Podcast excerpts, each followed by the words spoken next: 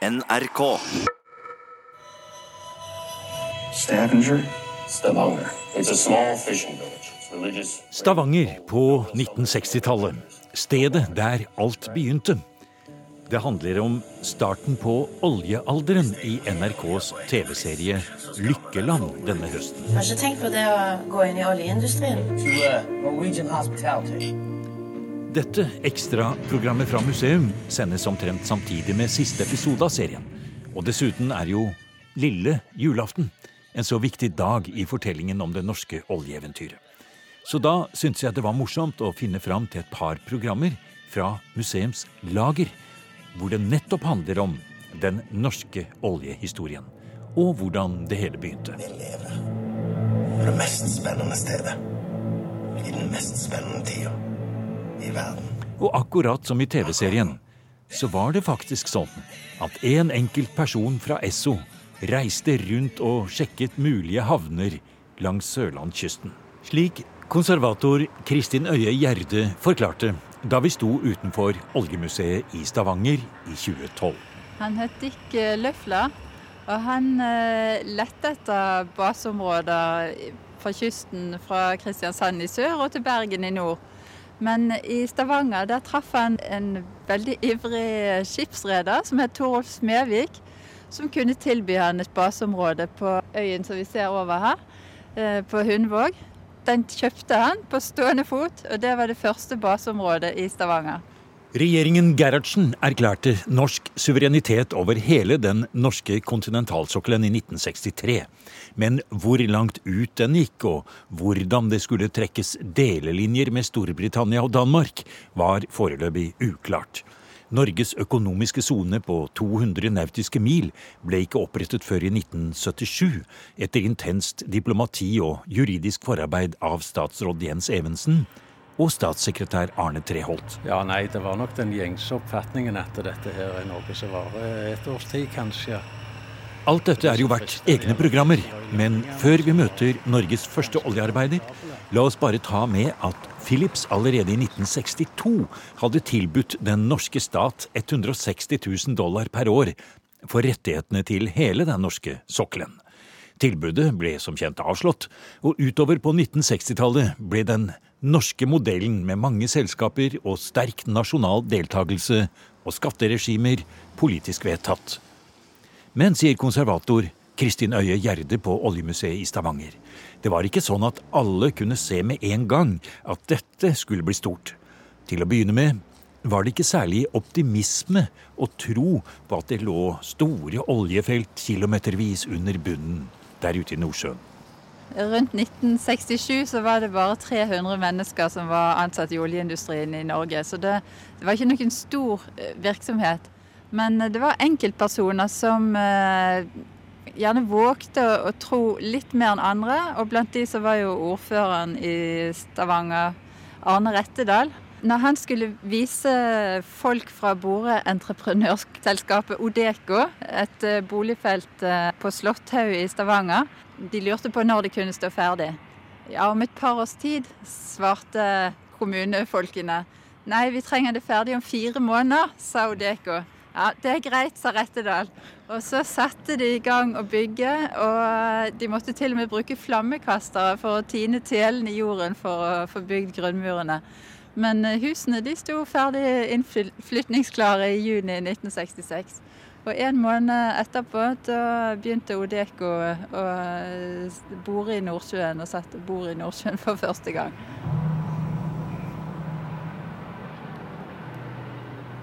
Og her kommer Nordahl Torstensen inn i bildet. Han møter oss på Oljemuseet foran en modell av innsjekkingen til helikopterturen ut. Men den gangen, i 1966, sier han, var det ikke noen avansert elektronisk sikkerhetssjekk på Forus før takeoff. Nei, det var det ikke. Det, det var veldig primitivt. Eh, Faktisk var det ei, ei gammel brakke etter uh, tyskerne, som tyskerne hadde bygd der ute på Forus. Og der uh, var innsjekkinga nesten sånn Hei, god dag, hvordan er det med deg? For alle kjente hverandre. Det var så få mennesker at de som var og reiste ut med alle, kjente hverandre. For nå er vi altså på den aller første turen ut. Ocean Traveler, der var du med. Der var jeg med, ja. Og da var vi på den første flighten ut. eh, Det var jo fullt helikopter da, som Hvor mange var det? 17-18 stykker. Og det var blant de som var ansatt i 1966. Det var, jeg tror det var en 40-45 personer som ble ansatte da. Husker du datoen når du reiser ut også? Jeg tror datoen vi reiste ut var Jeg tror det var første uka i juli, men jeg er litt usikker. Jeg vet at vi ble ansatt eh, i, rett før sankthans, eller rett før den 23. juni. Og så var vi jo her i byen da på riggen. Den lå jo her borte på Dusavika. Og vi var der til den var klar for å gå i, i havet. Nå skal vi gå gjennom eh, detektoren her. Ja, den slår ut for fullt på oss her, men vi bryr oss ikke noe om det. Her henger sikkerhetsdraktene. De måtte vi ha hatt på hvis dette hadde vært ekte, men nå er vi på noe som er så nærme ekte det kan bli, for vi er på Oljemuseet og er på vei ut på heliportene her. Vi skal fly ut til en rigg nå. Det er sånn det er lagt opp her. Ja, nå går vi inn i det som forestiller helikopter, og her har du jo bråket. Og. På vei inn i Oljemuseets helikoptersimulator forter vi oss å si at dette opptaket med Nordahl Torstensen ble gjort i 2002. Og Nordahl var 29 år da han første gang reiste ut på Ekofisk. Det var jo eh, ganske bråket i de turene ut der, så vi satt jo med øreklokker på oss som regel da. Ja, det var en kort eh, flytur vi tok nå. Ja, han Men, eh, varte litt lenger i virkeligheten. Ja. Men når, du, når dere reiste ut den gangen, kanskje en av de aller første gangene ut der, så så dere på hverandre og tenkte at uh, dette kommer ikke til å vare. Eller trodde dere at uh, nå har Norge startet på en ny stor epoke? Ja, nei, det var nok den gjengse oppfatningen at dette her er noe som varer et års tid, kanskje. Og Det som frista de aller fleste, var jo lønningene, som var ganske formidable i forhold til, til det som, som det var. Men det dere møtte når dere kom ut på, på riggen der, på Ocean Traveler, det var vel ikke akkurat så mye norske regler og arbeidstidsordninger og sånn, for det var vel på den tiden litt preget av kanskje litt amerikansk tempo? Ja, i aller høyeste grad. Det var det. Og det måtte liksom bare stå på.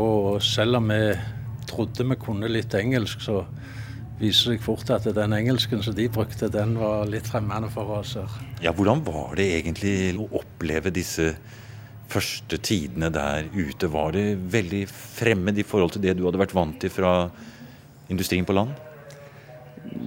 Både ja og nei. altså Dette språkproblemet var jo den største forskjellen da. Men forholdene var, det var såpass primitivt, og vi bodde så tett innpå hverandre at du var nødt for å bli kompis og, og gode venner med de fleste. For ja, du gikk oppi hverandre døgnet rundt.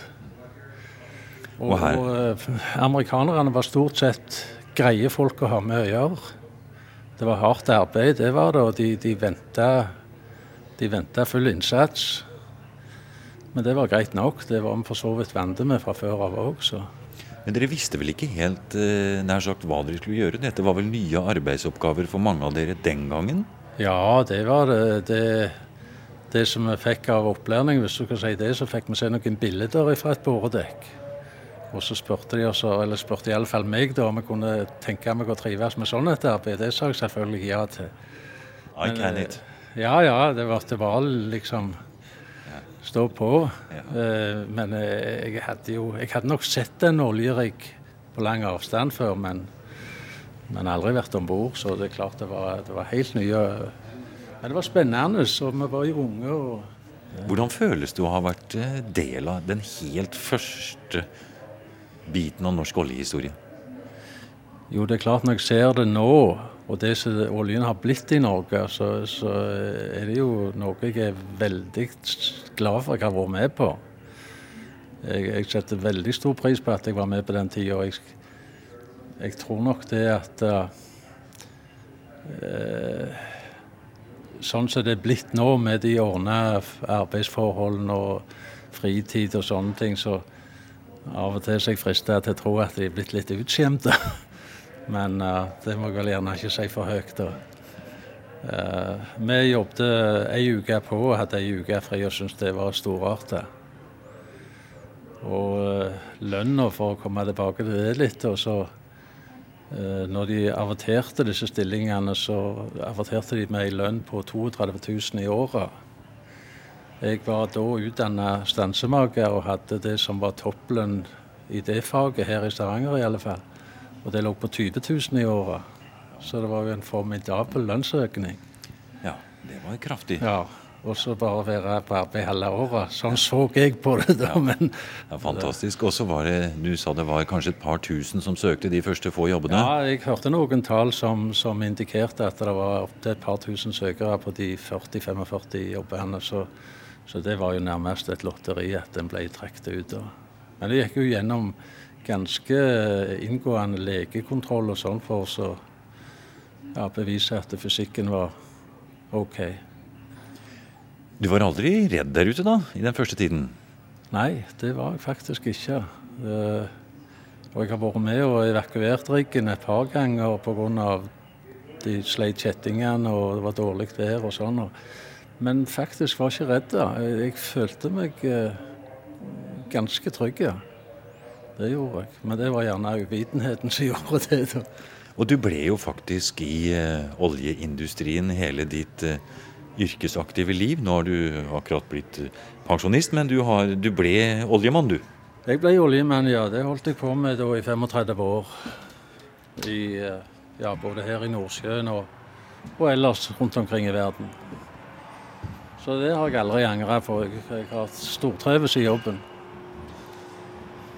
Og nå kommer vi inn på boredekket, vel? Nå er vi på boredekket, ja.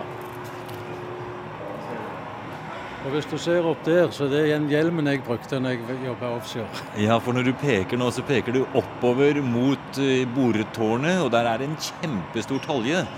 Og høyt der oppe så henger det altså en eh, museumsdukke som er eh, kledd ut som en oljearbeider. Ja. Og han har på seg en hjelm. Og det var altså din hjelm? Det var den hjelmen jeg brukte når jeg uh, jobba i Nordsjøen, ja. Den er faktisk ikke tillatt i dag, for det, den er av aluminium, som du ser. Det ser jo litt uh, Ser ut som et sirkusnummer, det der. ja, det var, det var, verre eller det.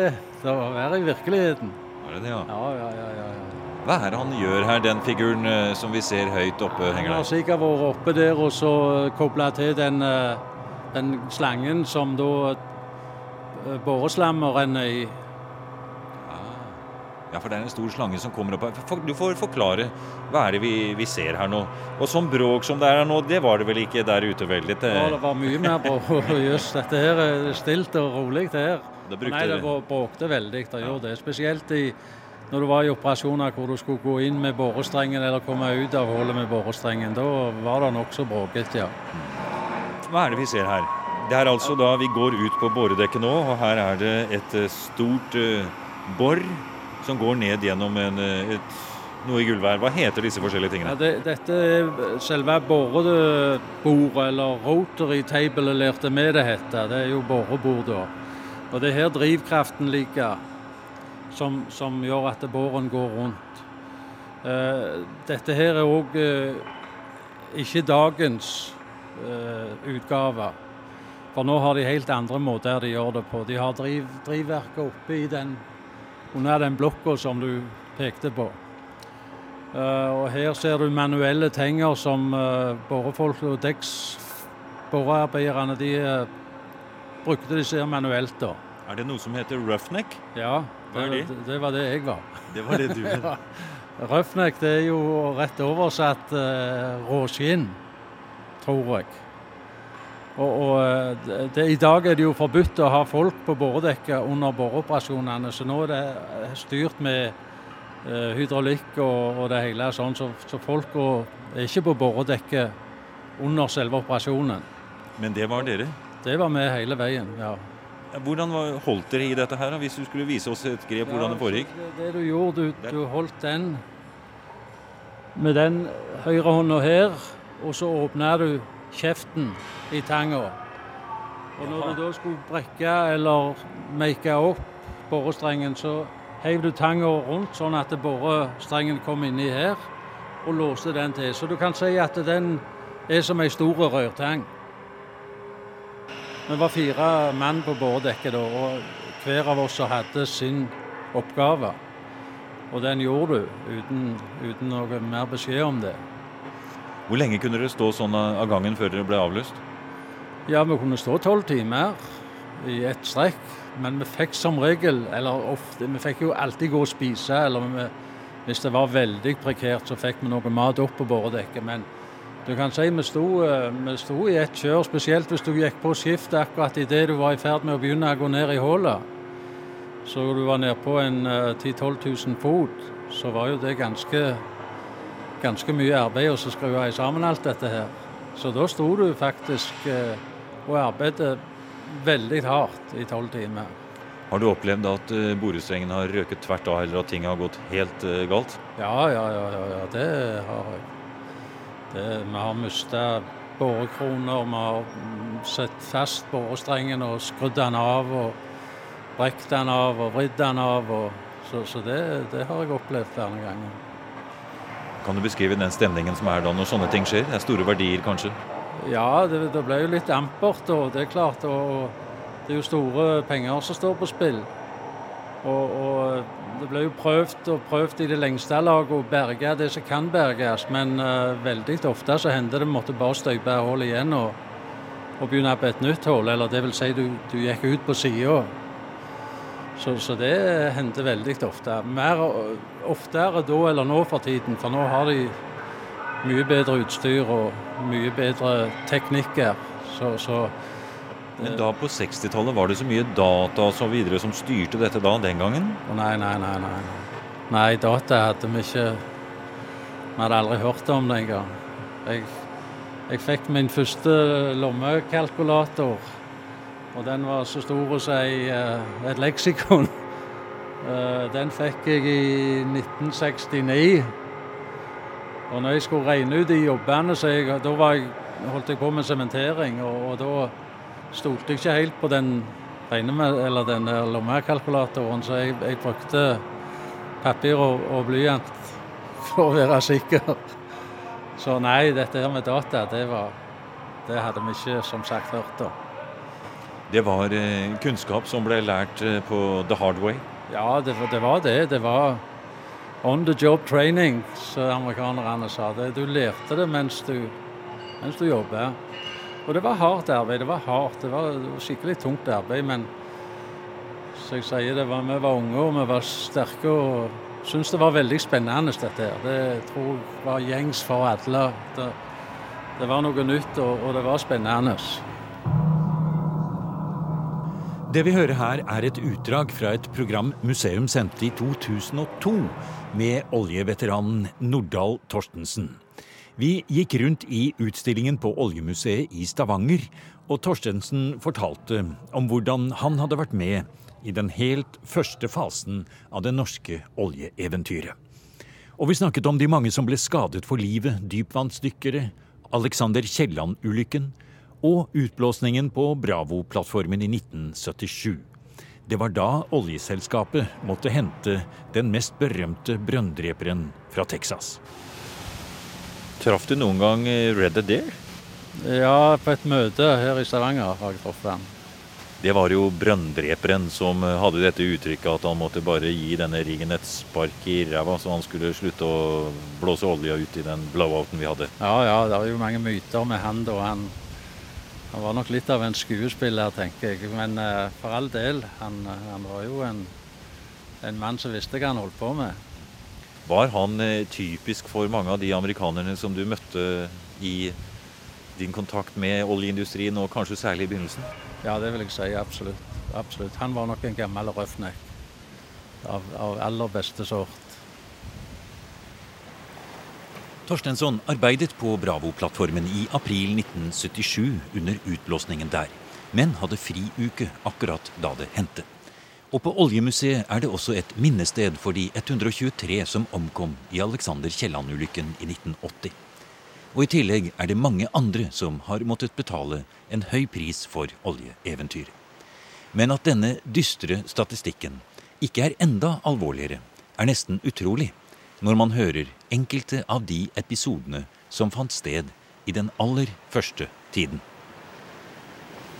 Jeg har hørt en eh, litt utrolig historie om hvordan den første flammen, gassflammen, ble tent av en person som krøp ut langs eh, staget der og skulle tenne dette omtrent manuelt. Ja, det, Stemmer det? Det, det stemmer. Det, det sto jeg så på. Han, Ja, gikk, han gikk rett og slett ut, men hadde, vi hadde lagt til et fotstærskaft, og så surra vi noen filler ut på den og dypte det i diesel og sette fyr på.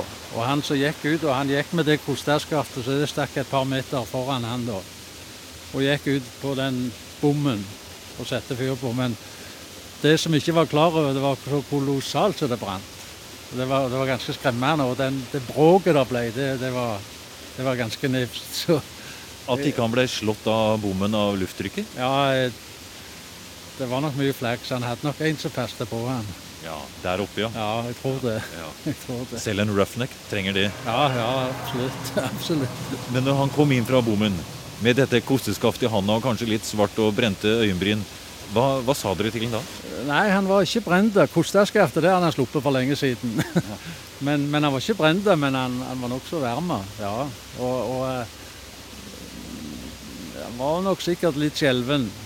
Og da brøla det fra framme- Ja, da, da bråkte det voldsomt, altså. Det, det, var, det var faktisk flammer på havet av uh, olje som, som ikke tok fyr da, som tok fyr når hun kom ned på, eller ble antent etterpå.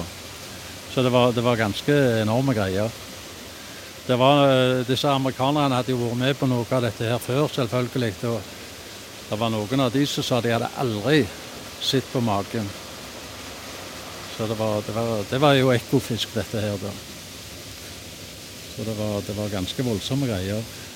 Det står en gammel sirupsflaske her. Ja, hva, er det, hva er det det står på den? Vi må se litt nærmere på den. Ja, Den har jo den tittelen 'Log Cabin Syrup'. En ting er den aller første faklingen, som vi hørte Nordahl Torstensen fortelle så fint om her. Noe annet er den aller første oljen som kom opp fra Ekofisk. Ute på plattformen var det noen som forsto hvor symbolsk det var, og fikk tak i noe å samle opp noen desiliter da den første oljespruten sto i været. Og det er den lille flasken Oljemuseets direktør Finn E. Krogh viser fram.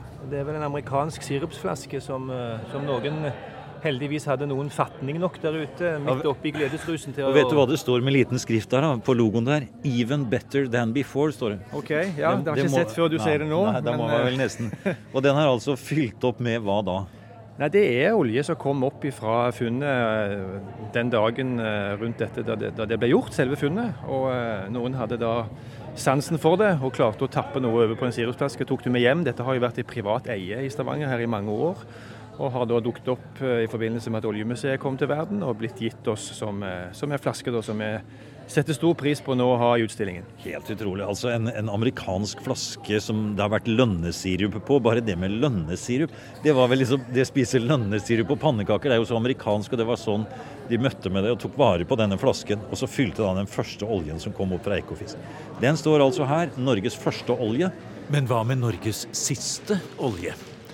På Oljemuseet er det utstillinger som også tar opp det spørsmålet, og som behandler tidens tanker om vi i det hele tatt bør ta opp alt. Miljøaspektet, som vel var helt fraværende i starten, banker stadig sterkere på døren. Og så er det et faktum at det har gått noen år siden den første oljen ble funnet av Philips på Ekofisk den 23. desember 1969 i blokk 2-4. Mange av oljeinstallasjonene er nå kulturminner og skal dokumenteres og sikres.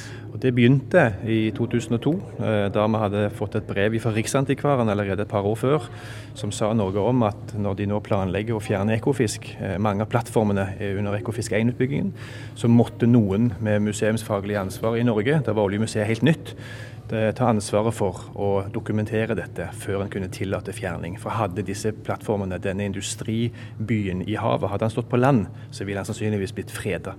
Det går ikke i Nordsjøen, så vi måtte da starte på et arbeid, og vi gjorde Kulturminne Ekofisk som det første dokumentasjonsprosjektet. Før vi forlater dette tilbakeblikket på Lykkelandet, starten av det norske oljeeventyret, går vi tilbake til Nordahl Torstensen, en av de aller første roughneckene på boredekket på Ekofisk. I 2002, da dette intervjuet ble gjort, var oljefondet kommet opp i svimlende 1 milliard kroner. En brøkdel av hva det er i dag. Men likevel var tallet ufattelig høyt. De tallene der er litt vanskelige å forholde seg til, men du ser bare det som har skjedd her i Stavanger. Så er det f.eks. Oljemuseet her, som er en fantastisk eh, bygning her, som er et resultat av olje. Og det som vi trodde når vi, når vi reiste ut, det var jo, som jeg sa tidligere, vi trodde det varte et års tid eller noe sånt. Så, så der tok vi jo skammelig feil. Men når det gjelder alle disse millionene og milliardene du snakker om, så, så kunne de brukt noe på de eldre og de syke her i landet. Det, jeg kan ikke skjønne dette her de snakker om inflasjon og sånne ting. Det, men det er politikk òg ut ifra, så Kanskje vi hadde trengt en roughneck som finansminister? Det tror jeg hadde gjort underverker. Han trengte ikke vært der så lenge heller før han hadde gjort vei i vellinga, tror jeg.